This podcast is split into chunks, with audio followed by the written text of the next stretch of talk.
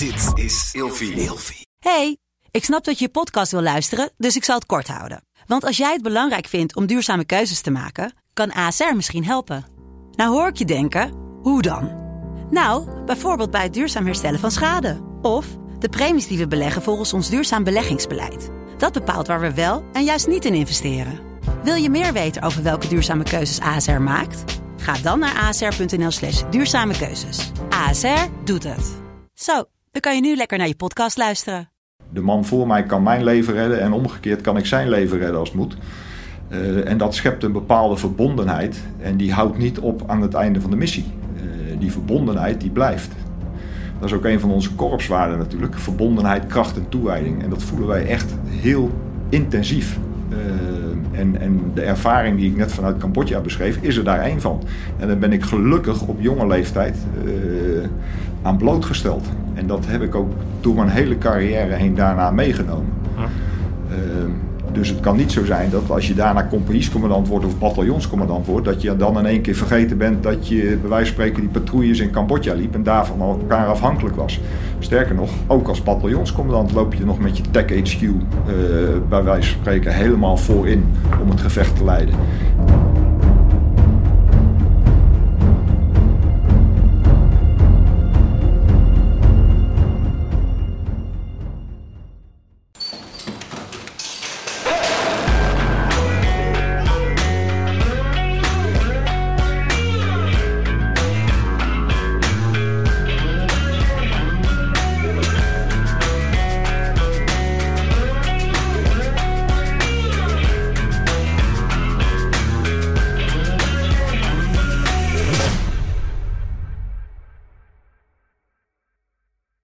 Zo, alles draait weer. Zo, ja. Weer een, uh, ik, hoop, ik, hoop, dat we deze podcast uh, zeg maar in het voorpraatje kunnen evenaren. Want er was natuurlijk al hoe lang hebben we gezeten? Bijna een uur hebben we even gekletst. Ja. Jeff. En twee bakken koffie. Dus uh, dat was lekker.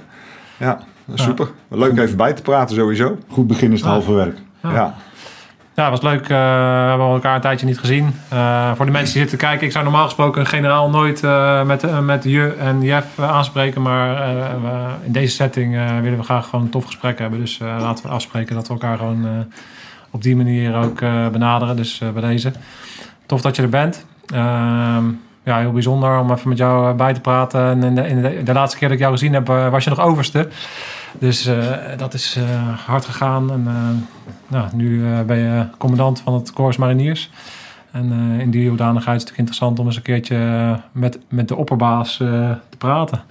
We hebben het vaak over het Corps Mariniers. we dragen dat ook uit. De, de corpswaarden en de voorwaartse mindset. En de, ja, dat is gewoon mooi om nu even met elkaar in conclave te gaan. Top, ja, ik vind het ook hartstikke leuk om hier te zijn. En zoals je al zei net, ja, hartstikke leuk om ook in het voortraject al even wat uh, van gedachten te wisselen. De wereld alvast te verbeteren voordat we aan de podcast begonnen. Ja. Dus, uh, ja. dus uh, ja, ik zou zeggen, shoot. Wie ben jij eigenlijk? Dat is eigenlijk de, de belangrijkste vraag waar we mee beginnen. Ja, ik ben Jeff McMutry, geboren in 1964. En als zoon van een, uh, van een marinier. Dus uh, als je zegt van uh, hoe lang ben je al bekend met Corps Mariniers? Nou, ongeveer vanaf mijn eerste levensminuten. want ik heb nog foto's dat ik als baby van een paar dagen oud bij een corporaal van de mariniers in de armen lig. Dus ja, als je het hebt over baksmeester, dan was ik er vroeg bij. ja. Ja, dus, uh, dus jou, jou, ik ben wel heel nieuwsgierig naar jouw jeugd. Uh. ja. ja, iedere dag baksgewijs hè, vanaf de kleuterschool. Ja, ja. ja wat, wat, wat, was jouw, uh, wat deed jouw vader bij het korps? mijn vader was, ja, toen ik geboren werd, was hij corporaal van de mariniers. Ja. En hij heeft als adjudant is hij de dienst uitgegaan in 1985. En hij ging de dienst uit twee weken nadat ik in dienst was gekomen. Dus we zeggen wel eens gekscherend, we hebben uh, twee weken gehad voor onze overgave overname. En zo bleef het uh, binnen de familie. Ah. Ja. Nou, mooi, wat heb, je, heb jij niet... Uh, ik sprak toevallig iemand onderweg hierheen. en die zei van, ik heb volgens mij met moed hier gediend. Maar volgens mij was het zijn oom of zo. heb je nog meer familie die dan... ja, broer van mijn vader heeft ook bij het korps gezeten. Ja, precies. Ja, ja. Dat was Siert. wat ik oh, oké. Okay. Die heeft, is ook, is een commando en die heeft ook Die vertelde dat, dus uh, ja. dat wist ik niet. Dus ik ben niet de eerste met deze achternaam bij de baas. Nee. Nou, jij, maar jij bent, heb jij een Schotse achtergrond of ehm, hoe, hoe, is jouw familie? Ja, McMurtry is natuurlijk een Schotse naam, denk ik, toch? Ja, dat klopt, van oorsprong. En de familie is ooit vanuit, zeg maar, Schotland richting Brits-Indië gegaan. En uh, vanuit Brits-Indië is de familie terechtgekomen in Nederlands-Indië. En vanuit Nederlands-Indië in Nederland terechtgekomen. En zo ben ik hier uh, achter de microfoon terechtgekomen. ja. ja. ja, dus was het voor jou opgroeiende in die setting een soort van helder verhaal? Ik word marinier. Wanneer, wanneer is dat bij jou gaan leven? eigenlijk zolang ik me kan herinneren ja, mijn vader die was uh, best wel een bloedfanatieke marinier. Die uh, had het ook erg goed naar zijn zin altijd. Uh, had regelmatig natuurlijk collega's over de vloer. En ja, dan zat ik met hele grote rode oortjes mee te luisteren naar de spannende verhalen. En dat was niet alleen over oefeningen, maar ook over zijn tijd in Nieuw-Guinea, waar daadwerkelijk inzet was. in die tijd zat hij ook bij het verkenningspeloton. Ehm, en eh, toen dacht ik al heel vroeg van, dat is toch wel een heel mooi leven. Dat zou ik eigenlijk ook wel willen. Dat gevoel is eigenlijk nooit weggegaan. En uh, het was voor mij eigenlijk uh, vrij duidelijk op een hele jonge leeftijd dat ik ook marinier wilde worden. Was, was hij iemand die makkelijk uh, praatte? Dus, dus je, je, je, hoorde die verhalen, maar meestal, ik hoor ook wel eens verhalen van, oh, van mensen die uh, die tijd hebben meegemaakt, dat die toch wat minder, wat geslotener zijn. Was jouw vader daar vrij open over? over ja, hij was daar heel open over. zowel naar mij toe, maar ook in zijn gesprekken met de collega's. ja, jullie kennen het ongetwijfeld van je eigen achtergrond. Op het moment dat je met mensen bij elkaar zit die dezelfde ervaring delen, dan zijn wij vrij laagdrempelig natuurlijk. En ja. dan, ja, dan wordt over honderden en één dingen gesproken. Ja, en dan zat ik daarbij als, als jonge scholier en dacht, dat is toch wel mooi. Ja. ja. Wat, wat, wat, zijn de beste herinneringen aan je vader wat dat betreft?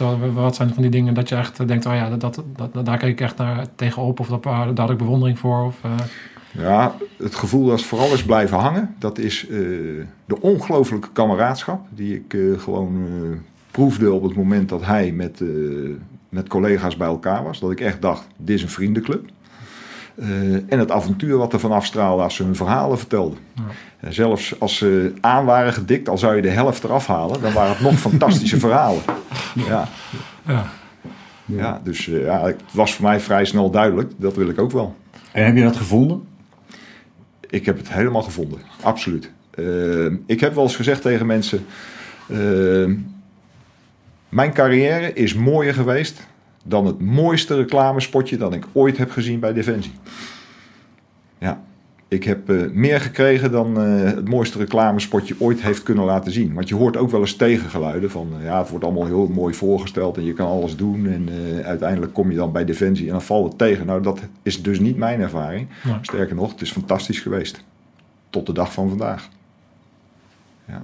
Dus ik heb alles gekregen waar ik op hoopte. Nou, nou dan, uh, dat was het. Jongens, bedankt. Schrijf ja. aan. ja. ja. kan je ons meenemen naar, naar die begintijd? Wat, uh, ja, je wordt niet zomaar commandant van het, van het mooie, mooie korps natuurlijk. Um, jij bent gewoon ergens als een plebs begonnen en aan de poort gemeld. kan je nog herinneren hoe jij, met wat voor gevoel je naar het korps bent gegaan en hoe dat, hoe dat in begintijd liep? Ja, ik ben eh, begonnen als uh, dienstplichtige officier. Uh, want uh, ik wilde weliswaar naar het korps, maar mijn vader zei toch, dat wil je nu al je leven lang. En misschien moet je toch eens eventjes verder kijken. dus ga eerst even studeren. Nou, toen ben ik begonnen aan een studie rechten in Utrecht. En op een dag zat ik in de collegezaal en ik keek zo eens om me heen. Toen dacht ik, dit is toch niet helemaal wat ik zoek. Gaat hem niet worden. Uh, en toen begon uh, het bloed toch weer te kruipen, waar het niet gaan kan. En dat was toch dat ik op een gegeven moment dacht, ja, ik wil eigenlijk mijn leven lang marinier worden. En wat doe ik hier dan nu? Uh, uiteindelijk moest ik mijn dienstplicht vervullen. Dus ik dacht, dat wordt een mooi compromis. Dan onderbreek ik mijn studie rechten. En dan ga ik mijn dienstplicht bij het korps vervullen. En daarna heb ik wellicht uh, genoeg aan het korps mogen proeven om uh, daarna mijn studie af te maken. Uh, Maar eh, je snapt het al. Eh, ik ben nooit meer teruggegaan naar de universiteit. Eh, ik had het verschrikkelijk goed naar mijn zin binnen het korps. Ik heb toen gevraagd of ik mocht blijven. Nou, uiteindelijk mocht ik blijven. En eh, ja, sinds die tijd, eh rest is history, zou ik bijna zeggen. Want als je in die tijd uh, dienstplichtig eh, officier ging je gewoon wat voor een soort opleiding kreeg je dan aan het begin? Potom. Gewoon de potom. Ja, dus dat was eh, opkomst. En meteen dag één begon de potom. En eh, ja, dat was eh, negen maanden potom. En daarna werd je pelotonscommandant. Eh, en eh, in mijn geval werd ik naar Curaçao eh, uitgezonden. En eh, daar heb ik toen een jaar gezeten. Toen kwamen de mensen van het hoofd over. En eh, toen gaf ik aan dat ik wel langer zou willen blijven. Eh, uiteindelijk ben ik toen eh KV'er geworden, zoals dat heette. Dus contract voor bepaalde tijd. En uiteindelijk is dat contract voor bepaalde tijd pas in 1993 overgezet naar een contract voor onbepaalde tijd. Maar toen was ik inmiddels kapitein. Ja. Dus ik ben nog kapitein KV geweest zelfs. Ja, eh, vlak voordat je, want dan eh, 93, toen eh, stond natuurlijk je eerste missie dan denk ik voor de deur een beetje eh, Cambodja ik heb waarschijnlijk. mijn eerste missie als KV'er gedaan. Ja. Eerste luitenant KV, pelotonscommandant. eh, Cambodja, Soksan. Ja. Dus dat... eh, Heeft dat, heeft dat indruk gemaakt, hoe, ka- ka- die tijd, eh, Cambodja, hoe was dat om voor het eerst eh, op pad te gaan? Dat was, dat was mooi. Kijk, eh, je traint en je denkt altijd van... eh, als het er echt op aankomt... eh, staan we dan ook eh, voor datgene waarvoor we altijd getraind hebben. En in Cambodja heb ik ervaren dat dat absoluut het geval was. Dus dat was eigenlijk voor mij eh, het bewijs van wat we tot nu toe allemaal gedaan hebben. De manier waarop we getraind hebben, die werkt in de praktijk. Dat gaf best wel een voldaan gevoel. Hoe, Dat moet je altijd maar afvragen. Hoe, hoe merkte je dat? Kan je, hoe, wat, voor, hoe, hoe was het leven daar? Wat, de- wat voor operaties draaiden jullie? En hoe merkte je dan dat, van dat, dat die wereld tussen de training en de daadwerkelijke uitvoering in Cambodja zo goed aansluiten? Wat concreter. Eh, wij zaten met onze compagnie, de Bravo-compagnie, in rotatie 1 zaten wij eh, bij de plaats Soksan. Dat was een eh, enclave in het gebied van de Rode Khmer. En ehm, we liepen daar heel veel patrouilles. Als pelotonscommandant moest ik in principe met alle patrouilles mee. En wat ik toen heb ervaren, dat is dat eh, hele simpele dingen bij het halt houden sowieso tijdens het verplaatsen al, iedereen hield zich netjes aan tussenruimtes. Bij het halt houden deed iedereen precies wat we in de training ook altijd doen. Halt houden, ieder pakt zijn sector, ieder gaat door de knieën. Ehm, en op een gegeven moment eh, hebben we gehad dat, eh, dat er gevuurd werd. En dan zie je iedereen inderdaad plat gaan. En dan zie je dat iedereen gewoon doet wat we tijdens oefeningen ook deden. Plat gaan, rondom, waarnemen en eh, doorgeven wat je ziet. eh, waarvan je, waar je denkt dat het vandaan komt. Eh, dat soort dingen. En dat, dat hoef je niet dan nog een keer te benadrukken. Dat gaat vanzelf. Ja, want op dat moment kom je dus in zo'n vuurgevecht voor het eerst. Dat je dus Het was geen vuurgevecht, want uiteindelijk hebben wij niet teruggevuurd. Jullie werden be- bevuurd. er- er werd geschoten Ja, ja, en we weten nog steeds niet waar vandaan. ja. En eh, ja, er werden daar ook wel eens eh, zogeheten vreugdevuren geuit. Ja. En dan was er wat te vieren. Eh, maar in dit geval hadden we het idee dat we geïntimideerd werden... omdat we misschien te dicht op illegale houtkap kwamen... waar economische belangen geschaad werden. En dat misschien gedacht werd, als wij nu schieten... dan komen die mariniers niet dichterbij. Ja. Maar hoe dan ook. gewoon om te zien hoe lui reageren op het moment dat er gevuurd wordt... en dat je denkt van, hé, hey, wacht even, dit kan spannend worden. Ja. Ja, dat is mooi. En, en heb je dan, zeg maar, hè, ik kan me voorstellen, voor veel mariniers zal dat zeg maar, een soort eerste echte job geweest zijn. Eh, eh, zie je daar ook eh, ontwikkeling in bij, bij gasten? Dat ze, dat ze dat steeds beter gaat liggen? Of dat ze ook echt bepaalde zaken moeten aanleren? Of zijn die tegen dingen aangelopen die je denkt van... hé, hey, daar hebben we nooit aan gedacht tijdens training? Heb je er nog iets eh, uitgehaald wat, wat je mee hebt genomen naar Nederland om, eh, om, om opleidingen Ja, te veranderen? Daar heb ik wel wat uitgehaald, ja. Eh, wat ik eruit heb gehaald is dat lui die eh, slordig zijn in training en oefeningen in Nederland, ook gewoon slordig zijn in een uitzendgebied. Heel vaak, eh, als je lui ergens tijdens een oefening of een training op wees, of het nou was op eh, wapenonderhoud wat niet wat goed was uitgevoerd, of een deel van de uitrusting wat niet in orde was, dan zei je lui, ja, maar als het echt is, dan weet je, let ik er wel op. Nou, dan heb ik nieuws. Lui die slordig zijn tijdens training en oefeningen in Nederland, in vredesomstandigheden, die zijn over het algemeen ook gewoon slordig in een missiegebied. Dus eh, dat was voor mij wel een bevestiging dat eh, de verhalen van in het echt doe ik het anders, dat dat niet klopt. Het is gewoon train as you fight. En dat gaat ook op voor de details. Dus, dus, dus je fight ook als, zoals je traint. Ja. Dus het gaat zeker twee kanten op. Ja. Ja, die laatste is misschien nog wel belangrijker. Ja, zeker. Ja. Ja, mooi. Want, want jullie grootste dreiging, denk ik, was... eh, wat, wat heb je als grootste dreiging ervaren? Was het meer de Khmer of was het de, de, de mijnen? Ehm, eigenlijk allebei wel. En dat verschilde gewoon per patrouille, afhankelijk van eh, waar je patrouille liep. In het ene gebied wist je ja, relatief minder mijnendreiging. En soms dan kwam je door een gebied eh, waarvan de rode Khmergids, of de, sorry, de witte Khmergids eh, die meeging, zei van nou hier moet je echt niet van het pad afgaan, want het krioelt hier van de mijnen. En dan zag je soms ook wel eens overblijfselen. En dan dacht je van oké, hier moet ik echt de voetsporen van mijn voorganger volgen. Ja, en je had ook eh, op een gegeven moment dat eh, dan had weer een, iemand van de Rode Khmer aan de poort gestaan met een briefje van eh, als jullie niet je kamp binnen 24 uur verlaten, dan vallen we jullie aan. En dan wist je als je dan de poort uitging, ja, dan was er wellicht ook verhoogde dreiging, maar dan was het niet mijn dreiging, maar dan was het de dreiging van een hinderlaag of schietpartij. Ja, en, Ja, ik kan me nog wel herinneren toen ik voor het eerst naar Afghanistan ging. Kijk, de, de dingen die je leert en de drills die je doet, daar heb je toch een soort van gevoel van onoverwinnelijkheid in. Hè? Dus, dus als je beschoten wordt, inderdaad, die drills die kan je uitvoeren. En, eh, waar, waar ik wel eh, mentaal wel even eh, wat dingen heb moeten doen, is de overgave op het moment dat je gaat rijden en de bermbomdreiging. is toch iets anders. Daar, daar, heb je toch minder controle op. Het is meer een soort van, nou ja, kruisjes slaan en, en, en soms ook wel gaan. Er zit natuurlijk een expertise bij van waar ga je searchen en hoe ga je daarmee om.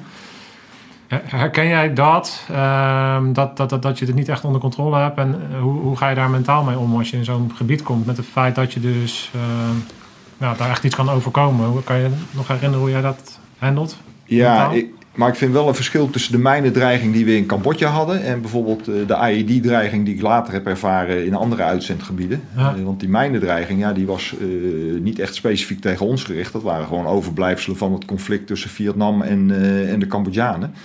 Eh, en dat lag er gewoon. En dat, eh, dat waren gewoon overblijfselen uit die periode. Ja, daar moest je niet op gaan staan. Maar eh, het was niet zo dat het specifiek tegen ons gericht was. En ook niet zo dat het booby traps waren. Of dat het command detonated zou zijn of wat dan ook. Terwijl later in uitzendgebieden, dan wist je ook van... dan zat je eigenlijk al in de auto mee te kijken, is mijn ervaring. Ehm, wat zijn nou eventueel markers voor een tegenstander waarop die iets afzet? Ja, daar was het een, een, een, een, een, middel in een, in een conflict eh, direct gericht op jullie. Ja, in, in, in Afghanistan of in Irak. eh, daar zat ik wel eens in de auto dat ik dacht: hé, hey, die dat hoopje stenen daar, dat is vreemd. Dat zal toch niet zo zijn dat ergens een knop wordt omgezet op het moment dat ik dat hoopje stenen voorbij rijdt. Eh, maar dat gevoel had ik in Cambodja niet. Daar was het meer gewoon van: kijk uit dat je niet op, op, op rotzooi stapt die, is, die er nog ligt. Ja. Toevallig. Eh, En in, Irak dan, hoe, handel jij dat mentaal? Heb jij daar eh, een middel, middel voor om, je, om jezelf onder controle te houden in dat soort situaties? Nou, de eerste, de eerste dagen kan ik wel zeggen. Daar zat ik echt continu dat ik dacht. eh, want Irak heb ik niet heel lang gezeten. Afghanistan ben ik meer geweest. Maar ik kan me wel herinneren dat, dat ik dan zeker de eerste uren dat we op pad waren, dan was ik super scherp. Dan nam ik ook altijd een goed Red Bulletje van tevoren.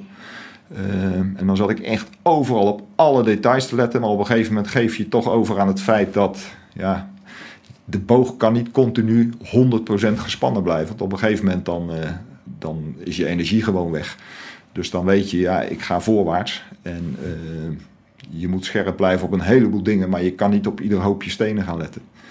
En eh, als je dan een tijdje de poort uit bent, dan geef je je weer over aan de omstandigheden. En dan doe je gewoon je dingen en dan let je weer op andere dingen waar je normaal gesproken ook, ook op zou letten tijdens patrouilles. Ja.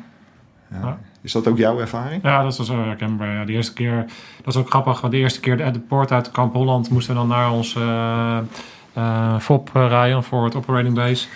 Die rit kan ik me bijna nog iedere hoek en iedere steen eh, herinneren. En eh, later heb je natuurlijk zoveel patrouilles gelopen. Dan, dus, dus ik herken wel dat die, die, die spanning die opbouwt en dan eh, het voor het eerst gebied in. En dan, ja, je, je weet gewoon totaal niet waar je in terecht gaat komen. Ehm, en, en dan, ja, dan leer je ook, ook het feit al dat je dan een keer gereden hebt en je niks zou overkomen, doet natuurlijk iets met je. Oké, oké, je kan dus gewoon rijden en je, kan, en je moet daar op letten en daar op scherp zijn. Dus dat, dat herken ik wel. Ja, eerst heel scherp en daarna ehm, ja, raak je gewoon steeds meer eh, ervaren eigenlijk. En eh, eh, word je daar ook rustiger in. zonder dat je je scherpte verliest natuurlijk. Want je, Ja. je, je, staat nooit uit, zeg maar. Nee, je staat nooit uit. Maar je gaat dan weer op andere dingen letten waarvan Ja. je zegt van, ja, weet je, het zou je altijd tijdens patrouille doen. Zonder dat je precies op ieder hoopje stenen of op ieder krijtstreepje let. Ja. En dat is denk ik wel het verschil. En is het ook niet een beetje eh, het aanvaarden van het feit dat er een bepaalde mate van gevaar is? Ja, Eh, dat is en, het ook. en, en dat je dat zeg maar, dat je, dat je daar even aan moet wennen. Ja. ja, dat is het ook. Op een gegeven moment eh, is het ook jezelf overgeven aan het feit dat de omgeving nu eenmaal zo in elkaar zit. En eh, dat, eh, dat je niet meer kan doen dan eh, wat je normaal gesproken zou doen. En dat is inderdaad eh, continu scherp blijven zonder eh, achter iedere steen meteen een probleem te zien. En, en, en je, bent, je, je bent er ook niet alleen. Nee, je bent er ook niet alleen. Nee, je, je doet, bent- je doet het met je eenheid. Precies. Ja, maar dat gevoel hebben we wel altijd gehad. Eh, kijk, het was niet één paar ogen wat het werk deed. Het waren bij wijze van spreken vier paar ogen of twintig paar ogen. En, en iedereen lette op. En dan is natuurlijk wel de kunst om die capaciteiten goed te verdelen. Zodat je niet allemaal op dezelfde steen let. Maar eh, dat je wel met z'n allen een beetje eh, om je heen blijft kijken. En Maar op een gegeven moment als je eenheid eh, goed op elkaar is ingespeeld. Dan, dan gebeurt dat ook gewoon. Weet je, wat ik wel benieuwd ben. Jouw vader was onderofficier. Ik ben zelf ook officier geweest. Ik ben wel eens benieuwd hoe jij daarnaar kijkt. Want ehm, jij hebt natuurlijk inderdaad... Een van jouw drijfveren was toch inderdaad... Je zag van nou, dat kameraadschap onderling. Ik heb af en toe wel eens... Het is soms als officier ook wel op een bepaalde manier eh, e- eenzaam. Je hebt, je hebt natuurlijk een band, maar je hebt ook altijd de lead, zeg maar. Dus je moet daar een bepaalde weg in vinden. En je hebt natuurlijk wel het contact met je, met je officieren, maar... Ehm, hoe, hoe kijk jij daarnaar, naar, naar je contact met je, met je mensen als je opgroeit als junior leader en al je functies? Hoe ben je omgegaan met kameraadschap en met, eh, met informeel en informeel? Hoe, hoe heb jij daar je weg in gevonden? Ik zeg altijd maar zo, kameraadschap kent geen rangen, standen, eh, leeftijden. Eh, dat gaat overal doorheen. Eh, maar je bent uiteindelijk als officier, als commandant van een eenheid, ben je wel primus inter pares. Dus ik heb altijd uitstekend, zeg maar, contact gehad met de hele eenheid. Ik voelde me ook nooit alleen. Maar op momenten dat het nodig is, dan moet je wel eh, inderdaad even die stap opzij kunnen zetten. Eh, eh, zetten ja, om te zeggen van, jongens, eh, nu gaan we toch even wat anders doen. Of nu moeten we toch die kant op en niet die kant op, terwijl jullie dat allemaal willen. Ja. Ja, je moet op de juiste momenten, momenten naar voren kunnen stappen. En wat ik wel gemerkt heb, is dat als lui weten dat jij zelf veel praktijkervaring hebt eh, en dat je ook open staat voor de mening van anderen eh, en die meeweegt, dat ze dan ook bereid zijn om wel eh, te luisteren. Ja. Op het moment dat ze denken dat jij in splendid isolation vanuit een studieboek je beslissing neemt, ja, dan wordt het toch een ander verhaal. Ja, nou, dat is herkenbaar en eigenlijk ook wel het antwoord wat ik van, van jou verwachtte. Ik, ik, ik denk, ik ben benieuwd hoe andere mensen naar me kijken. Maar ik denk, jij, bent ook de, de keren dat ik jou tegen het lijf ben gelopen, je bent erg benaderbaar. Hè? Dus, dus je, hebt, je, hebt, je hebt gewoon die, die, die sociale kant heel erg. En, en eh, ik heb je nooit meegemaakt op missie of in, in echte uitvoering. Maar dan, eh, op het moment dat je er gewoon staat, dan sta je daar. En dan, ehm, dan als het echt spannend wordt, dan, dan, dan, dan zullen de mensen je altijd accepteren als leider en op dat moment je volgen. Dat, dat heb je natuurlijk ook eh, de afgelopen paar jaar gezien, denk ik. Begrijp je wat ik bedoel? Ja, ik begrijp wel wat je bedoelt. En eh, ja, ik zeg al, voor mij was dat gewoon een natuurlijk iets. Ja. Eh, en, en zeker ook bijvoorbeeld de ervaring als pelotonscommandant commandant in Cambodja heeft er wel aan, aan meegeholpen. Wat ik al zei, ik ben, ik ben veel met, eh, met patrouilles mee geweest. Ja. En eh, op een gegeven moment eh, is je jouw leven afhankelijk van de man voor je en de man achter je, bij wijze van spreken. En dan maakt het niet uit wat je op je schouder hebt. Of je marinier 1 bent, of luitenant, of sergeant. Je bent van elkaar afhankelijk. En De man voor mij kan mijn leven redden en omgekeerd kan ik zijn leven redden als het moet. Uh, en dat schept een bepaalde verbondenheid en die houdt niet op aan het einde van de missie. Uh, die verbondenheid die blijft. Dat is ook een van onze korpswaarden natuurlijk. Verbondenheid, kracht en toewijding. En dat voelen wij echt heel intensief. Uh, en, en de ervaring die ik net vanuit Cambodja beschreef, is er daar één van. En dan ben ik gelukkig op jonge leeftijd aan blootgesteld. En dat heb ik ook door mijn hele carrière heen daarna meegenomen. Ja. Uh, dus het kan niet zo zijn dat als je daarna compagniescommandant wordt of bataljonscommandant wordt, dat je dan in één keer vergeten bent dat je bij wijze van spreken die patrouilles in Cambodja liep en daarvan elkaar afhankelijk was. Sterker nog, ook als bataljonscommandant loop je nog met je Tech HQ uh, bij wijze van spreken helemaal voorin om het gevecht te leiden.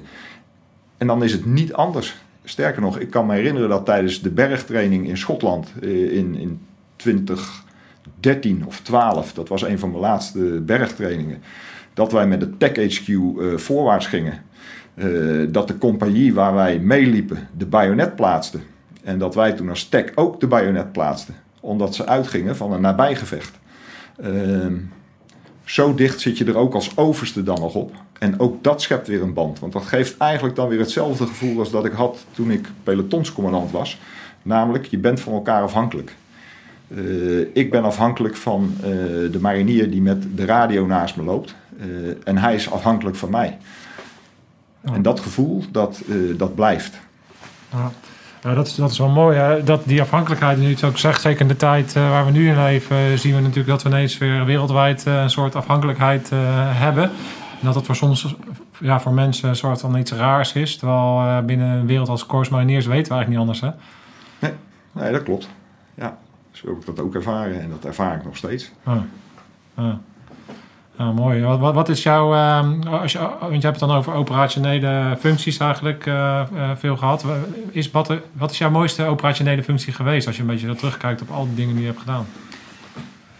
Ik ben zes jaar pelotonscommandant geweest, drie jaar compagniescommandant geweest, twee jaar bataljonscommandant geweest. Dat waren allemaal topjaren. Nee, dat meen ik, dat meen ja. ik echt. Het, al die jaren in operationele functies, dat waren wat mij betreft topjaren. Want dat was precies waarvoor ik ooit uh, marinier ben geworden. Ja. Uh, en dat maakte niet uit hoe de samenstelling van het team was. Het waren allemaal gewoon mooie teams met een goede sfeer. En uh, we hadden iedere keer mooie programma's.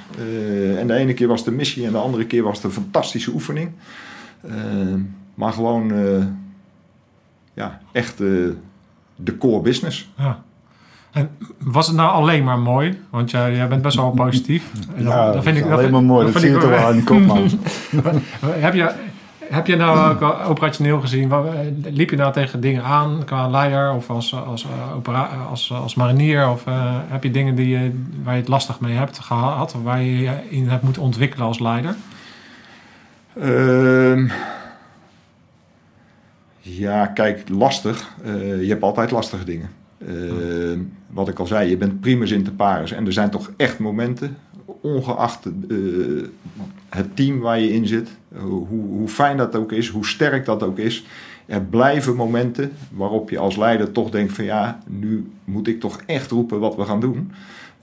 En dan kan het team nog zo sterk zijn, maar ik ben eindverantwoordelijke, dus ik moet nu zeggen of we linksaf gaan of rechtsaf gaan.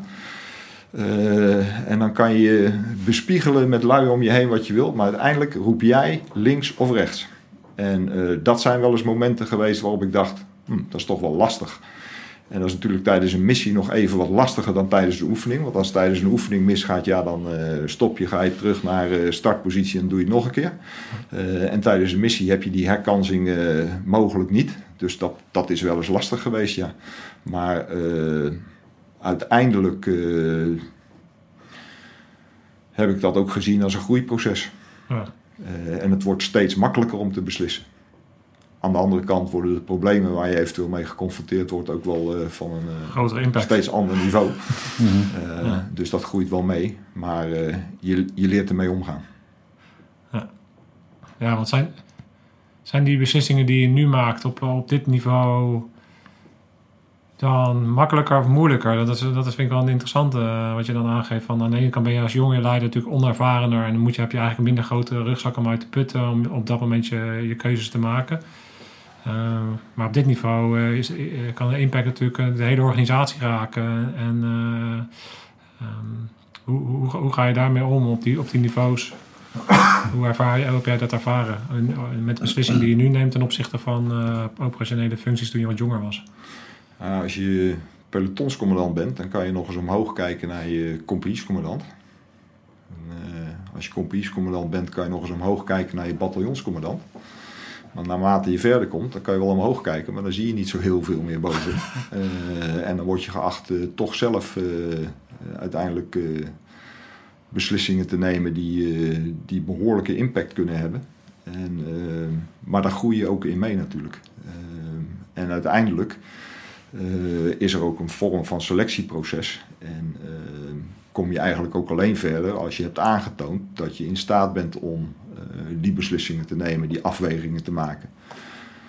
En ik ervaar de beslissingen nu niet als zwaarder dan de beslissingen die, die ik nam als luitenant. Ze zijn het misschien wel, maar gelet op de ervaring als luitenant vond ik de beslissingen toen net zo zwaar aanvoelen als dat ik ze nu bij wijze van spreken voel als generaal. Ja. Ja, mooi. Ja, dat, dat groeit, groeit, allemaal met je mee. Dat vind ik wel mooi hm. dat je dat zo zegt. Ja. ja heb, je, heb jij binnen het korps uh, rolmodellen gehad toen jij jonger leider was? Tegen wat voor soort mensen keek je naar, naar, op of bewonderde jij en heb jij afgekeken wat voor leiderschap werkt en wat niet? Ja, ik heb altijd heel goed gekeken naar mensen in mijn omgeving. niet alleen naar mensen die leiding gaven aan mij, maar ook gewoon mensen om mij heen die leiding gaven aan anderen. niet direct aan mij. En dan dacht ik altijd voor mezelf, zo zou ik het ook willen doen. Of ik dacht, nou, zo wil ik het echt nooit doen. Dat heb ik allemaal opgeslagen. Uh, daar heb ik voor mezelf een bepaalde mix van gemaakt. Uh, en die kan je ook per situatie, kan je daar wat dat betreft uitputten. de ene keer denk je van, oh, dat heb ik toen hem zo zien doen in die situatie. En de andere keer denk je, oh, andere situatie, dat heb ik ook een keer eerder gezien. ja, en op die manier kan je eigenlijk per situatie gewoon eh, putten uit de ervaringen van, van mensen die je in het verleden aan het werk hebt gezien. Ja. Ehm, en zo ben ik er altijd mee omgegaan. Ik heb het voorrecht gehad met ontzettende goede leiders eh, te mogen werken in het verleden. Eh, en daar heb ik echt heel veel aan gehad. Ook mensen die de moeite hebben genomen om in mij te investeren. Die wel eens zeiden van, joh, ga even zitten. dit doe je hartstikke goed. hier moet je even wat aandacht aan besteden. En dat, dat heb ik vaak als hele waardevolle feedback ervaren. Geprobeerd dat op te slaan en geprobeerd dat door de jaren heen daarna toe te passen. Dus daar ben ik, ik ben ontzettend veel mensen erg dankbaar voor wat ze altijd geïnvesteerd hebben. En niet alleen leiders, maar soms ook mensen die zeg maar lager in rang waren, die gewoon waardevolle feedback gaven. Over hoe ik overkwam. Of waar ze zeiden van, daar begreep ik je niet helemaal. En dat ik dacht van oké, dan moet ik de volgende keer even beter opletten en anders uitleggen. En ja. ja. zo blijf je hopelijk groeien. Ja, dat is een leven lang groeien. Ja. Nou, merk je dan ook, doordat mensen dat doen, tenminste dat, dat ervaar ik ook, uh, uh, doordat mensen jou dat hebben gegeven, merk je nu ook als je dan in de tweede helft als het ware komt als leider, dus de, de hogere rangen, dat je zelf ook de waarde ziet van even die tijd nemen voor je, voor je mensen. Zie je dat ook zo? Ja, dat probeer ik wel.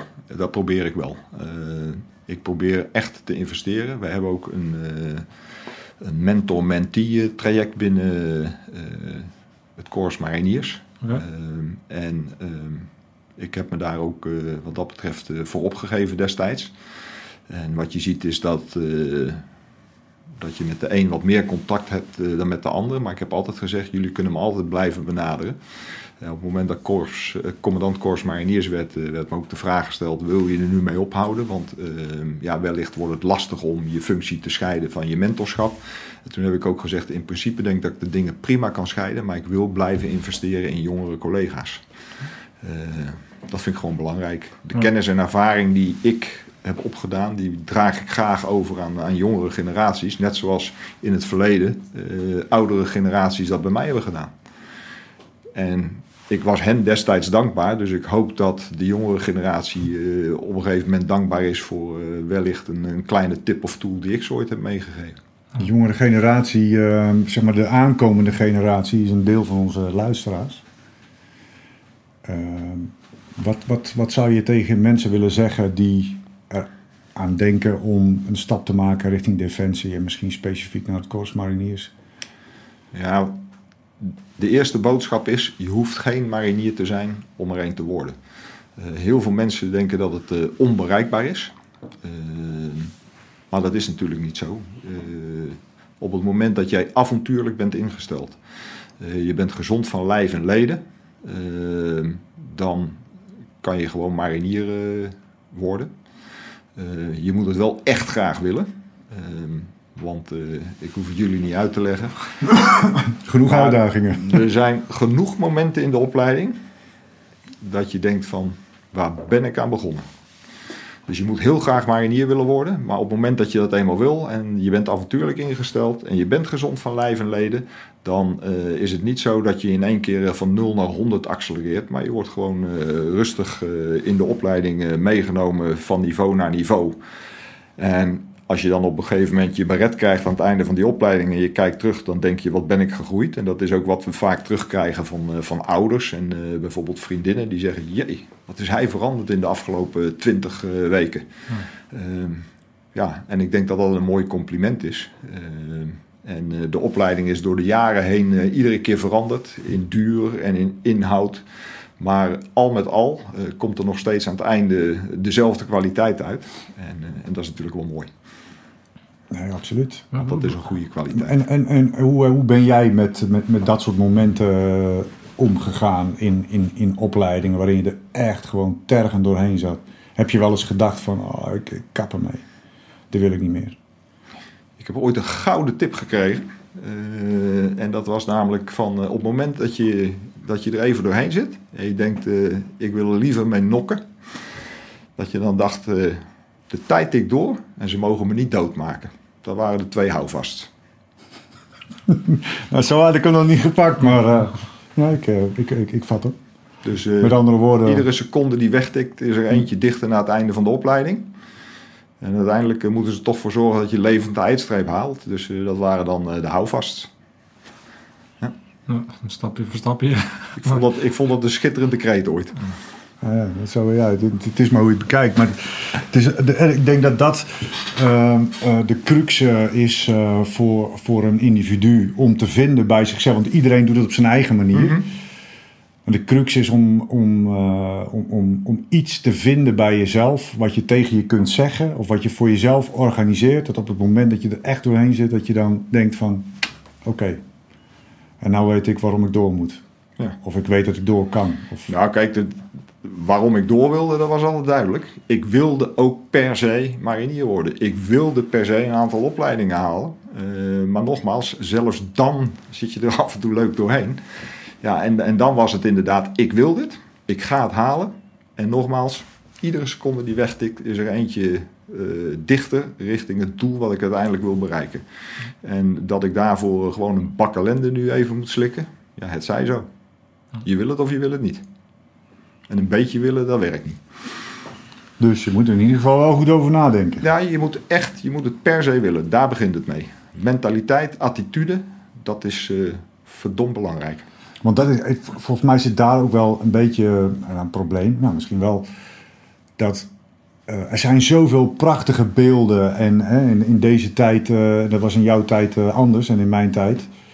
Eh, eh, kun je natuurlijk heel makkelijk de meest spectaculaire, prachtige beelden krijgen over het Mariniers, over defensie. Eh, dat maakt je natuurlijk lekker, dat maakt je eager. Maar die echte drive daaronder, van waarom zou je dit moeten willen? Waarom zou je jezelf moeten willen afpeigeren om toegang te krijgen tot al die prachtige beelden die je op YouTube en weet ik veel niet allemaal kunt vinden? Waarom zou je dat moeten willen? Eh, ik zei net iets over eh, verbondenheid. Dat ultieme gevoel van verbondenheid, die kameraadschap, het avontuur, eh, maar vooral ook het willen dienen. Het willen bijdragen aan een hoger doel. Het dienen van de maatschappij. Ervoor zorgen dat wij de maatschappij die ons dierbaar is, inderdaad in stand kunnen houden. Eh, zonder dat wij eh, bang hoeven te zijn dat eh, er externe partijen zijn die, die onze maatschappij heel veel schade toebrengen. en, en dat moet je willen. en, en dat wil de gemiddelde marinier ook. dienen is ons gewoon wat dat betreft ja, gegeven. Want hoe, hoe, zie, hoe zie jij, dat, dat lijkt me wel interessant, want hoe zie, hoe zie jij het korps mariniers, zeg maar? Kijk, het heeft voor mij toen ik jonger was, ik, ik, ik had niet vanaf jongs af aan dat ik marinier wilde worden. Op een gegeven moment ging me een beetje in verdiepen en, en toen uh, zag ik van, nou, dat, dat is hetgeen wat me het meest uh, aanspreekt, ik wil marinier worden. En ik had, voor mij is, is het korps een beeld dat altijd bij mij uh, op mijn netvlies komt, is aan die mannen in die zwarte pakken in de Tweede Wereldoorlog, die, dan, die daar dan in, in, de heet van de strijd daar het langste stand houden, weet je wel. Ehm, het korps is dan zo'n unit die eigenlijk op het moment dat niemand anders meer doorgaat, dat er niks anders meer is, die dan uiteindelijk de rug recht en, en er gewoon vergaat, zeg maar. Een soort, ja, een soort redmiddel, een soort hoop in bange dagen. Zo, zie ik soort van het middel van het Corps Mariniers en, en, en de uitstraling, ook al omdat we natuurlijk al zo lang bestaan, gewoon een soort backbone is, iets waar je, een soort verzekering, uh, waar je altijd op kan terugvallen. Hoe, hoe, kijk jij nu naar jouw bedrijf eigenlijk? Als je, je staat nu aan, aan de top en je, en je ziet natuurlijk in de volledige breedte van het, van het, van het in de breedte en, en de diepte zie je het hele bedrijf. Wat, wat is het Corps Mariniers voor jou? Korps is een, uh, is een onderdeel van de totale defensieorganisatie. En binnen de defensieorganisatie zijn we toch echt afhankelijk van uh, ook heel veel andere onderdelen. Uh, die ik door de jaren heen ook steeds meer ben gaan waarderen. gewoon ook door ervaringen tijdens missies. maar wij zijn een instrument in de toolbox die Defensie heet. En ik denk dat wij een instrument zijn van hoge kwaliteit dat voor heel veel jobs gebruikt kan worden. Ehm, en zo zie ik onszelf. Maar ik weet ook dat er in die toolbox andere instrumenten nodig zijn. En dat die instrumenten soms in samenhang gebruikt moeten worden. Maar, maar dat, dat, snap ik. En dat is ook wel een heel uh, correct antwoord natuurlijk. In de zin van... Uh, en ik, maar ik ben het wel met je eens hoor. Dus, dus ik, ik heb namelijk ook gezien in Afghanistan... Weet je, alleen het is, is natuurlijk niks. Je bent altijd of met de marine aan het werken. En dan, als je met de marine op pad bent... dan zitten er ook medische staf van, van de landmacht bij. En weet je, als je in Afghanistan aan het werk bent, dan ben je met de, met de helis bezig. Dus het is altijd, altijd natuurlijk een, een, een geheel plaatje. Maar is er dan is er iets wat, wat, wat het Corps Mariniers... Wat, wat is dan dat, dat hart? Anders dan, uh, ja, het is natuurlijk de verbondenheid, kracht uh, uh, en toewijding is, het, is natuurlijk zo'n term. Maar wat, wat, wat is nou dan, die, ja, je hebt het wel eens over die korpsgeest of zo. Mm -hmm. wat, wat, wat, wat, wat, wat, wat is dan het voor lui? Wat, wat, wat maakt het dan dat het Corps Mariniers toch ook wel um, ja, tot de verbeelding spreekt. Ja, nou, allereerst wat ik net zei over uh, die samenhang in, uh, in de toolbox, dat zei ik niet om correct te zijn hoor. Dat, nee, zei, nee. dat zei ik omdat ik er echt in geloof en het ook zo ervaren heb. Maar wat maakt het Corps Mariniers dan uh, speciaal? dat is in mijn optiek every climb and place at a moment's notice. En dan ook gewoon kwaliteit leveren. Zonder er al te lang over na te hoeven denken, zonder moeilijke vragen te stellen. Voorwaarts, make it happen. Dat is korps. Doorgaan waar anderen ophouden. En dat klinkt misschien als een holle frase, maar ik weet gewoon dat wij zo in elkaar steken. En uh, dat maakt het korps toch echt anders. Los van die kameraadschap waarvan ik gewoon hoor, ook van oud-mariniers die nu elders dienen. Die zeggen, uh, die unieke verbondenheid van het korps, hoe fijn de eenheid ook is waar ik nu zit, die heb ik niet weer teruggevonden. Uh, wij zijn daar toch wel redelijk uniek in, in die verbondenheid. Dat durf ik te stellen. Op basis van de feedback die ik dus van oud-mariniers krijg. Uh, en daarnaast uh, het feit dat uh, falen geen optie is. puur en alleen vanwege het feit dat ik op mijn schouder Corps Mariniers heb staan. en, en dat maakt ons toch echt wel uniek. Ja, ja dat, is, dat, is, dat is mooi. Hè? Dat je dus ehm, dat het een bepaalde trots met zich meebrengt, waardoor je net even dat stapje verder gaat, waarin je uiteindelijk is, is het lichaam ook maar zwak natuurlijk, uh, om het maar zo te zeggen. Um, en, en, en heb je soms dat dingetje nodig, of gewoon dat streepje nodig. En, het, en dat, dat, dat, is iets. Ik zag laatst een foto van een, uh, van een vader die dan door het hek heen en, de en zijn zoon die net marinier was geworden, dat ze tegen elkaar stonden. En daar werd ik echt een beetje ontroerd door, omdat ik, omdat ik voel, echt heel erg voelde van...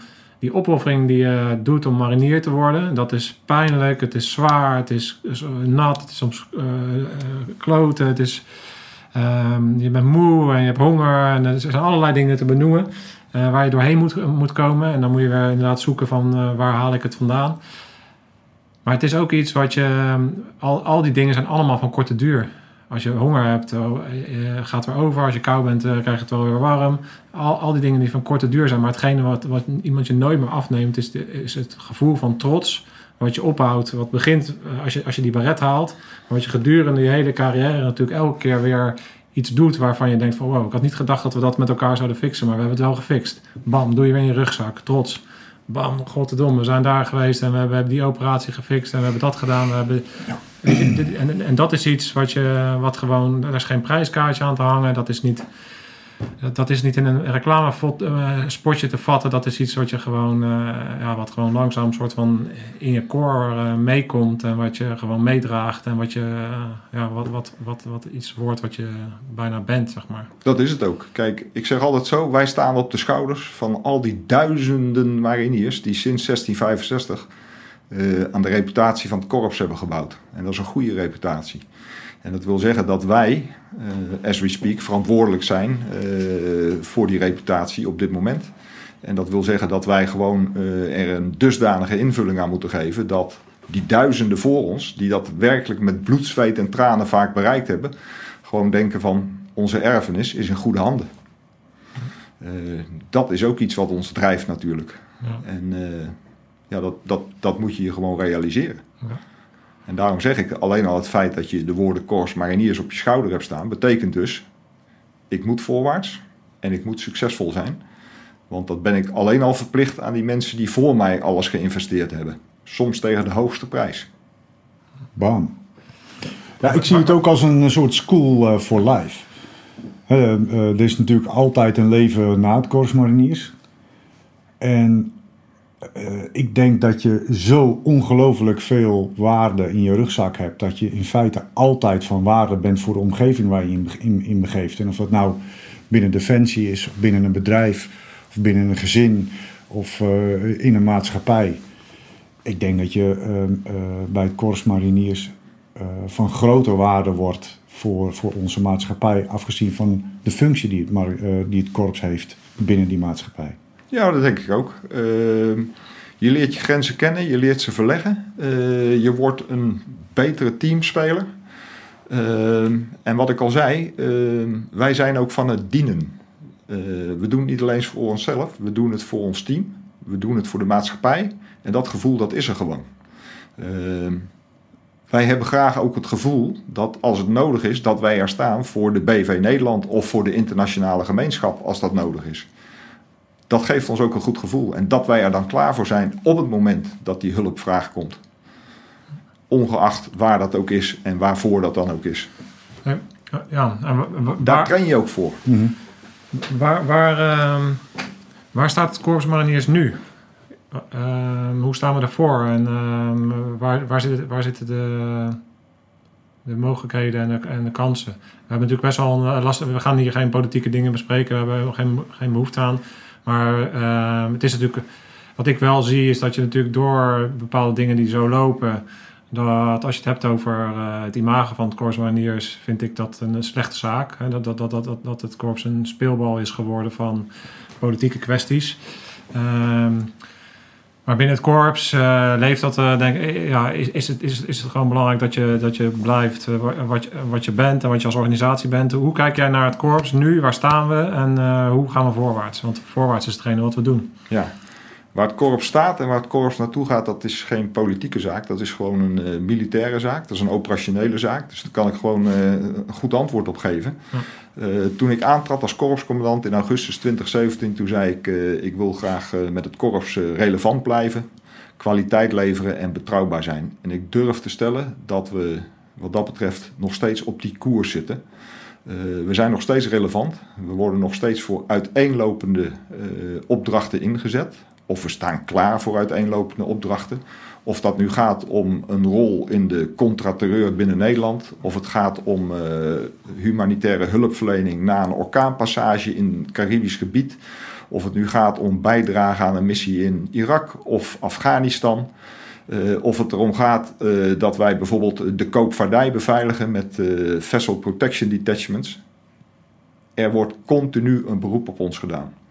In de afgelopen drie jaar dat ik korpscommandant was, zijn er ook de nodige dapperheidsonderscheidingen uitgereikt aan mariniers. Weliswaar voor inzet voor de periode dat ik korpscommandant was, maar ze zijn wel uitgereikt. Voor inzet in uh, Afghanistan, voor inzet uh, voor de kust van Somalië en voor inzet in Mali. Uh, dat zegt ook iets niet alleen over je relevantie, maar het zegt ook iets voor de kwaliteit die je op de mat legt. Waar ook ter wereld leveren we een product en we doen het blijkbaar goed. Vorig jaar is het vaandelopschrift Kandahar, Uruzgan, Helmand toegekend aan het korps. En in de toelichting daarbij stond ook dat wij ons behoorlijk goed van onze taak gekweten hebben. En dat, ja, dat maakt ook trots. Um, en wij waren niet de enige eenheid natuurlijk die een vaandelopschrift toegewezen kreeg. Maar als ik zo naar de beschrijving keek van wat erin stond, dan dacht ik van ja, daar mag je best trots op zijn als marinier. Ja, bam. En dat hoor je natuurlijk niet, hè? want uh, dat is ook nog, uh, volgens mij kenmerkt dat ook uh, de marinier. Het zijn wel quiet professionals. Ja, wij vinden gewoon dat we ons werk goed moeten doen. En we zijn altijd erg kritisch op onszelf. ik vind het ook prettiger dat de buitenwereld roept dat wij het goed doen dan dat we het zelf roepen. Want ja, dan is maar de vraag, uh, wij van WC Eend, uh, je kent de rest wel. Ja. Dus uh, nee, ik hoor liever dat een ander dat roept. Maar ik vind het nog mooier als dat gewoon blijkt uit formele zaken, zoals het toekennen van dapperheidsonderscheidingen, een vaandelopschrift, de continue inzet, want dat betekent ook dat je relevant bent. En inderdaad een betrouwbare partner zijn. Dus als er op de knop gedrukt wordt, dan sta je er ook. En dan lever je. Nou, kan, kan, je, want jij bent uh, bij dapperheidsonderscheidingen ben je natuurlijk altijd, uh, denk ik, uh, vaak daarbij hè, bij, bij ceremonieel. Kan je, kan je zo'n voorbeeld noemen dat, je, dat, dat, je, dat er, zo, er zoiets wordt uitgereikt en dat je, dat je die trots voelt en, en het verhaal wat daar dan bij hoort in het kort? Ja, zeker. een van de dapperheidsonderscheidingen dat betrof een marinier voor, een, voor een actie in Mali, marinier Thomas. Uh, ze zaten, s'morgens vroeg waren ze een bivak aan het opbreken. Uh, want ze waren twee dagen op pad, hadden een overnachting gedaan. Waren bezig met het opbreken van het bivak. En ze zaten een eindje van de openbare weg af. op een gegeven moment zien ze een auto van de openbare weg afdraaien. En die marinier die dacht al, hé, hey, hier klopt iets niet. en die auto begon snelheid te vermeerderen. Uh, hij stond op dat moment buiten de veilige ring van het bivak, uh, maar dacht meteen: dit klopt niet. Uh, dan kan je twee dingen doen. Je kan wegrennen, dekking zoeken, maar hij dacht: dit is een dreiging, ik moet die dreiging wegnemen. Hij is achteruit lopend, heeft hij gericht vuur uitgebracht op die auto die met hoge snelheid naderde. En uiteindelijk bleek dat inderdaad een bomauto te zijn. Uh, door de explosie werd hij omvergeblazen. Uh, is weer opgekrabbeld. Uh, en is vervolgens zelfs nog uh, naar de mitrailleur gelopen op een van de voertuigen. Omdat hij dacht van er komt misschien nog een vervolgaanval. dan denk ik van dat is een marinier eerste klas. Die binnen een minuut moet schakelen van niks aan de hand bivak opbreken. Tot in één keer uh, beslissen of jij je eigen leven in de waagschaal stelt uh, ten behoeve van de veiligheid van jouw team. En dat heeft hij dus gedaan. En hoe natuurlijk zou het zijn als je zo'n bomauto, vermoedelijke bomauto, op je af ziet komen en je denkt: en nu moet ik even wegduiken. Nee, dat heeft hij dus niet gedaan. En dat kenmerkt denk ik ook de marinier. En in dit geval is het wel heel moedig geweest en is hij ook terecht onderscheiden met een dapperheidsonderscheiding. Maar dat zijn momenten dat ik ongelooflijk trots ben op, uh, op de mariniers. Ja, mooi. Ja, echt. Ja, en, het, en, en ook zo in tegen alles wat een normaal mens zou doen. Ja. Nou, dat, zo keek ik er ook naar. Ik dacht van, zou ik datzelfde lef hebben gehad als ik in zijn schoenen stond? En dan ben ik notabene zelf marinier. Maar je moet je me altijd afvragen of jij datzelfde zou doen als jij daar in zijn schoenen had gestaan. Hij heeft het gedaan. En uh, ja, daar ben ik als korpscommandant ben ik daar dan ongelooflijk trots op dat ik zie dat hij die medaille opgespeld krijgt door de minister. Ja, fantastisch. Ja, en als, en als je, want je maakt natuurlijk heel veel dingen mee. Je gaat de organisatie langs. Zo zijn er nou ook meer soort van alledaagse dingen. Kan je eens een keer iets herinneren dat je, dat je, dat je ergens dacht van... eh zo, godverdomme, dat, eh, dat, dat, dat is mooi. Of dat iemand dat, dat ze dat doen. Of eh, kan je zo wat meer alledaags voorbeeld noemen van dat je, waarin dat marinier zijn naar voren komt? Ja, eh, de marinierskalender hè, van vorig jaar. Jullie, hebben er vast wel van gehoord. Hij hangt hier trouwens niet. Dat is Nee. jammer. Ik heb ook hard, deze waren al uitverkocht. Of, of eh, heb je maar je vrouw gegeven? Dat kan ook niet. Ja, maar ehm, Nee, die geef ik niet aan mijn vrouw. dan zegt ze, ben jij ook zo geweest? Dan zeg ik, eh, kijk, kijk, kijk maar in de spie. Nee. Ja. Maar er stonden ook telefoonnummers bij volgens mij, of niet? Nee, dat niet. Oh. Want hij was echt heel snel uitverkocht. Hij was heel snel uitverkocht. Nee, maar dat is typisch iets waarvan ik denk, eh, dat is ook het korps. Korps humor. Ja. Eh, Dat is ook zo. Ja, ja, Geweldig. En, en dat hoort er ook bij, want we lachen ook heel veel met elkaar natuurlijk. En, en eh, onze, onze Britse collega's die hebben daarvoor een hele mooie kreet. En dat is cheerfulness in the face of adversity. Oftewel, hoe diep je ook in de ellende zit. Jongens, blijf met elkaar toch zoveel mogelijk ook lachen, want het helpt je er doorheen. Ja, en, en dat met die kalender is een typische vorm van, van korpshumor. Eh, dat idee dat, eh, dat popt ergens op. En dan eh, duurt het ook niet heel lang voordat er gezegd wordt, we gaan het ook gewoon doen ook. En dan zie je dus wat een enorm succes dat wordt. Social media, overal zag je iets over die kalender. En, en dat is gewoon geweldig leuk. Heel veel positieve reacties gehad. Inderdaad, veel van, van dames. Maar dat is gewoon... Waarschijnlijk ook heel veel van heren. Ja, ook. ook. Maar eh, hetzelfde hadden we een jaar eerder. eh, en dat ging dan over stroopwafels, Stroopwafels, tijdens de bergtraining. Dat, Ja. was ook, weet je, dat is ook typisch korpshumor. En, en, en dat is ook typisch het korps. Eh, kameraadschap en we lachen heel wat af met elkaar. En eh, ook tijdens de zwaarste trainingen in, eh, in Schotland, dan liggen we af en toe helemaal in een deuk. Eh, en dat is geweldig. Hoe moeilijk je het ook hebt op een gegeven moment. Ik kan me herinneren dat we ooit een bergtraining hadden en dat eh, een van de sergeanten het eh, behoorlijk zwaar had op dat moment. En dat wist zijn groep. En die dacht, eh, geintje. En in een onbewaakt ogenblik duwden ze nog even twee extra zware stenen in zijn rugzak. en, Two stones. en ja, precies. Dus, ehm, maar dat was niet omdat ze een hekel aan hem hadden of wat dan ook. Maar dat is ook weer typisch zo'n stukje humor, weet je wel. Dat, eh, dan zien ze hem extra hard zweten. En dan bij de volgende rust zeiden ze... By the way, heb je niks gemerkt aan je rugzak? En eh, dat hij zei, hoezo dan? En dat ze die rugzak van hem opentrekken en dan die twee stenen eruit halen. Waarop hij vervolgens eh, zijn groep natuurlijk vervloekt en zegt... Daar komen jullie nog wel achter. En dat hij dus verder gaat zonder eh, die stenen in zijn rugzak. En dan inderdaad, ongeveer 10 minuten na die rust, uitglijdt. Waarop die mannen roepen, moeten we die stenen halen? Dat is beter voor je wegligging. Weet je, dat is, dat is humor. En, en dat is ook, eh, dat is niet een keertje. Nee, dat is ook dagelijkse praktijk. En dat maakt het werk bij het korps ook leuk. Ja, geweldig. ik zit nou even nog één, één, één dingetje waar ik naartoe wil. Als je het dan hebt even over die kalender. Hè. Het zitten natuurlijk eh, mooie, welgetrainde mannen. Met goede belichting ziet het er natuurlijk fantastisch uit. Maar... eh, Ook zonder belichting trouwens. Ja, dat... eh, dat eh, ja. hey, ehm, gaat er ook een, eh, een, een, eenzelfde kalender, maar dan komen met, eh, met vrouwen? Er zijn ook eh, veel vrouwelijke luisteraars die, eh, die misschien ook interesse hebben om bij het korps te komen. En dat, die mogelijkheden, eh, die zijn er. Ja, die mogelijkheden zijn, eh, zijn er zeker. Het korps staat open voor vrouwen. En eh, we hebben inmiddels drie vrouwen in de opleiding gehad. Die hebben het helaas niet gehaald. Eh, maar dat kan, want ook heel veel mannen halen de opleiding niet. Die zijn inderdaad uitgevallen met blessures. die, die ook een kerel zou kunnen hebben. Dames waren goed gemotiveerd. Waren goed voorbereid. Maar eh, zelfs dat is natuurlijk nog geen garantie dat je de opleiding haalt. Eh, ongeluk zit in een klein hoekje en een blessure loop je al gauw op.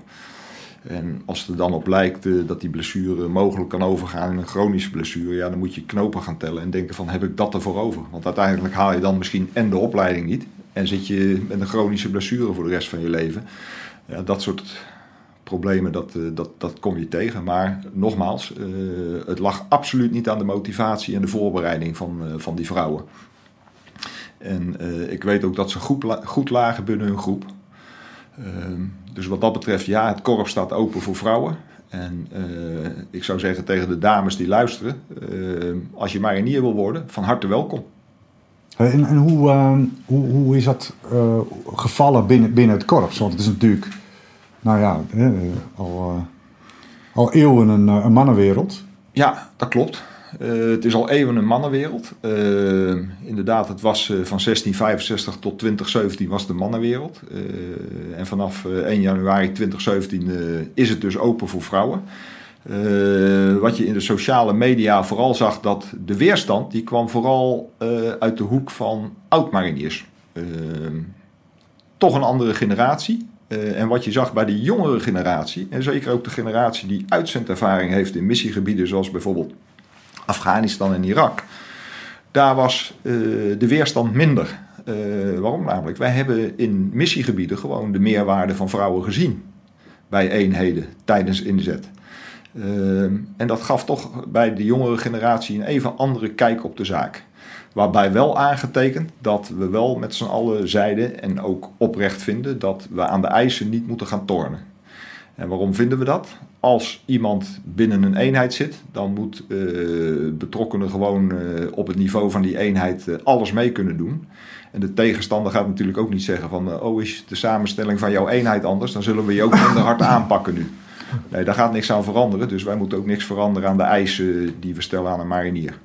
Want die marinier die moet in de tip of de speer kunnen functioneren in de hoogste delen van het geweldspectrum met een bak ellende om zich heen. En eh, daar gaan we niet eh, wat dat betreft in marchanderen. Nou, Ja, Want we, we- we natuurlijk, hebben eh, inmiddels, we zijn begonnen volgens mij met 2% eh, vrouwelijke volgers, maar inmiddels zijn het volgens mij bijna 20%. En ehm, ja, je ziet toch dat er gewoon eh, interesse is en dat er eh, binnen de veiligheidsdomein, of nou bij een DKDB of eh, bij de mariniers of waar dan ook, politie, zijn natuurlijk gewoon hele gave mogelijkheden. Dus dames, rammen met je kadaver. Ja. Want, ja, je zou maar de eerste zijn. Dat is toch iets, iets tofs, toch? En Ja. ik weet ook zeker dat er nu genoeg vrouwen luisteren die interesse hebben in het korps. Die eventueel marinier willen worden en die ook uitstekend in staat zijn om dat te worden. Want ik ken genoeg vrouwen die eh, fysiek en mentaal eh, sterker zijn eh, dan bij wijze van spreken dan ik ben. Ehm, dus daar ligt het echt niet aan. Maar nogmaals, je moet het wel echt willen. Nou ja. je moet het echt willen. Je moet wel willen. Ja, als ik in de sportschool sta, dan eh, als ik vergelijk met 20 jaar geleden, dan was het oud, vroeger was het oud ijzer en, eh, en kerels. En, en nu eh, is het 50-50 zo'n Ja. beetje als ik om me heen kijk. En dan staan ze niet gewoon eh, in, de, in de, de aerobiczaal, maar dan staan ze gewoon tussen het oud ijzer staan ze te rammen. Dus er is wel wat dat betreft ook eh, maatschappelijk wat veranderd, lijkt het. Ja, absoluut. En eh, ik, ik, ik, zie wel eens eh, CrossFit eh, op eh, Netflix. En dan denk ik ook van, nou, wat die dames daar presteren, dat zie ik mezelf nog niet doen. Koekoek, Ah. Of, Doe het eh, maar even. Of in, Huh? eh, in de octagon, in de MMA, dan zie je een paar, paar beesten af en toe voorbij komen. Dat je denkt, Ja. eh, huh? Daar wil ik niet mee eh, in dat octagon eh, staan. nee, nee. Want dan eh, word ik heel snel eh, tegen de touwen gemapt. Ja. Nee, dat is zo. Dus wat dat betreft, eh, er zijn genoeg vrouwen die het kunnen. Maar nogmaals, je moet het willen. En als je het wil, dan is het nog geen garantie dat je het haalt. Eh, maar het kan gewoon. Ja, ja, mooi. En we zien het als meerwaarde. Ja, dat, eh, dat eh, begrijp ik. eh. Mooi. En, en terecht.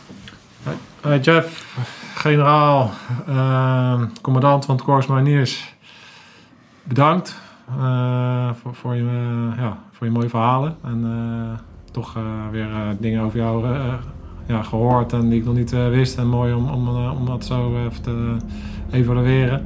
Heb jij, heb jij nog iets wat je zou willen toevoegen aan dit gesprek waarvan je denkt van nou dat is iets wat, eh, wat iemand nog moet weten over mijn korps? Ehm, dat we ernaar zullen blijven streven om inderdaad, wat ik al zei, relevant te blijven, kwaliteit te leveren en betrouwbaar te zijn. Eh, en dat we wat dat betreft eh, graag, we bestaan dit jaar 355 jaar. En dat we nog eh, graag eh, de komende 355 jaar ook eh, het land blijven dienen zoals we dat tot nu toe gedaan hebben. En eh, daar gaan wij voor. Bam. Mooi. Alles gezegd. Alles gezegd. Scherpschutters. Uit. Uit.